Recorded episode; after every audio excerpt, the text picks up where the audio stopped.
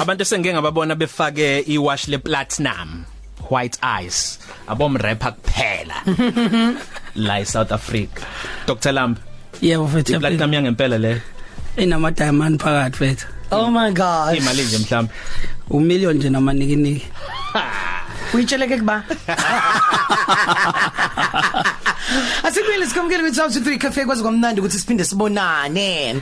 Yeah. So ngomhla ka25 kuJune 2019 iFacebook yamemezela yasungula ngokusemthethweni iCryptocurrency uh, ebizwa ngokuthi iLibra. So a- ake siqhaze ngokuthi la yini iCryptocurrency?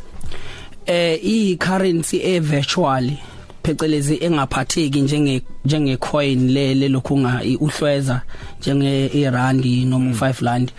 Eh i coin e virtual i currency e virtual uyakhona ukuthenga ngayo noma i- i- ingaphatheki ngesandla njenganemali. Alright so i-cryptocurrency siyaziyo edumile uBitcoin aselandela kamanye isebenze kanjani yona yazakhela leli dume leselikhona njengoba uFacebook eseze nayo wakhipha lo Libra wakhe?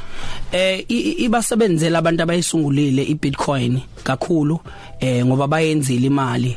Noma ke eh i- i- iBitcoin i- ingekho regulated noma ingekho semthethweni ayikho emthethweni i i- i currency ayikho emthethweni kodwa ayiwuphuli futhi umthetho no yawuphula Oyawuphula? impela Okay. yena manje nje uhulumeni wala eSouth Africa ubhizi uzama ukwenza indlela yokuthi ibe semthethweni u- ukusebenza kwayo angithi ngibuziswa yilokho ukuthi Eh. ngiyaxolisa ukuphazamisa ukuthi isebenza kanjani pho uma isemthethweni ehu- ebuhulumeni esayifunela ukuthi ayibe semthethweni. Njengamanje ngimangakutshela abantu abaningi abakhokhelana ngama Bitcoin eh kakhulukazi ngaphesha kwezilwandle abantu abadila ubugebengu abaduna idakamizwa abethi ama arms dealing izinto ezifana lezo abantu abenza ibusiness eliqondile eliqonde ngempela angeke umthole sebenzisa iBitcoin. Ngisho eAmerica bayifuni nje iBitcoin. Sure okay. Uh, asikhulume ngo Libra ke wona. Ya nami ngiyaxakeka yo Aw- awusabi njengoba sazi ukuthi kwakhona eningizimu Afrika abaningi abenza u- u- u- uBitcoin abantu Yeah. abathi bawuphuma nje la manje Eh. bathi ndoda yini lokhuluma Ekusekweni ngayo ya. yeah iqiniso bayazi nabo iBitcoin ayikho emthethweni yona iyathenga ithengise kodwa ayikho emthethweni pho yindaba Dr Lambo uhulumeni waseningizimu Afrika ehlulwa ukuthi athi ayiphumi Ayivali ya. eh ngeke kwenze lokho ngoba eh if is- i- i- uyazi ukuthi si- sonke wonke amazwe alandela okwenziwa eAmerica iAmerica ihlulekile ukuyi- ukuyicindezela iBitcoin. Okay. Obakwenzile manje kuza nemithetho ezozama ukuthi bayi bayicontrol indlela edayiswa ngayo nendlela ethengwa ngayo.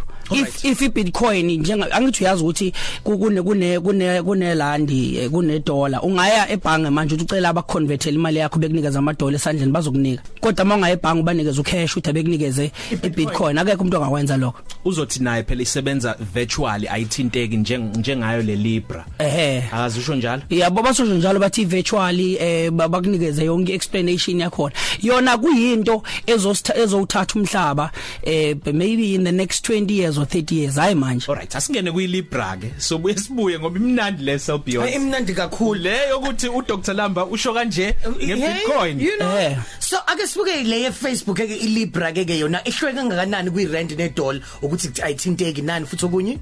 u- u- u- u- i- i- i- iLibra usho ukuthi umfana wahlakanipha eh u- uMark Zuckerberg loqale iFacebook wahlakanipha impela eh umeza ne ne Facebook platform I- i- isikhathini esiningi abantu abaningi bebeyibuza ukuthi why iFacebook ingenelwa mahala yenziwa kanjeni ezinye ama platform afana no Facebook ayakhokhela kwezinye indawo wayenenhloso ukuthi yo create currency manje u- uFacebook unabantu aba 1 billion aba aba ama members eFacebook mm. so if labo bantu befuna ukuthumelelana imali be- bethenge um, ngithenge mhlawumbe udayisa ama bag ngithenge isikhwama kuwena ngizothenga nge, nge currency ka Facebook Yeah. eh i- i- ayihlukile kakhulu ku Bitcoin but yona i- i- i- inobungozi obuningi. iBitcoin izingcono kune Libra kaZu- kaZuckerberg inobungozi kakhulu ngoba usene information yabantu.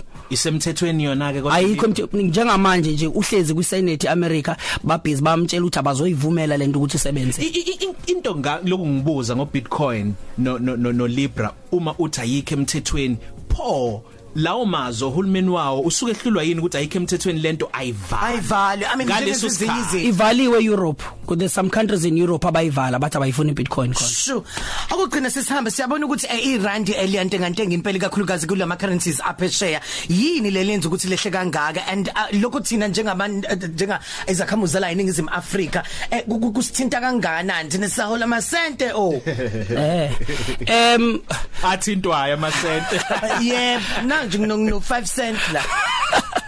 Yeah eh engingakusho selbi ukuthi ene if sibuka kuleli viki esiphuma kilo kunalempe ekhona eqalile equbuke between umengameli wezwe Cyril Ramaphosa benomkhwebane. Ibe nomthe yeah public protect umama umkhwebane inomthelelo omubi kwi kwi economy yethu ukuthi kuzongena umengameli qeda kuphuma umsholozi kunezinkulumo e- e- ezithi hayi umsholozi akekho right akaphume sizolethwe ungcwele ngcwele ozokwenza izwe libe libe right. Kuvele ukuthi naye kunezikandala ezikhona zama 500000 angene ngeindlela engekho emthethweni ma accountini lokho alleged. Ale, that's what I'm saying Yeah. ukuthi kuzokhulunywa kuthiwa. Yeah. yeah it's alleged.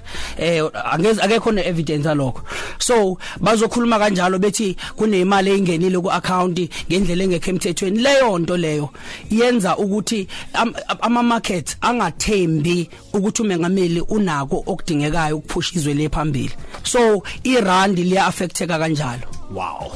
Luningi lolwazi Dr Lamba sinikeza imininingwane yakho sivalelise sibonane ngokuzayo. Okay ngitholakala eh ku Instagram amlelis uh, father eh Twitter amlelis father eh office number egoli 0113670636 eThekwini sine office esilivulile manje Mhlanga Rocks number 21 Lighthouse Road eh 031 eh 5760477 eh ngibonge kakhulu. Sibonga kakhulu. iChief Investment Officer yase Verity Hearst uDr. Mandla Lamba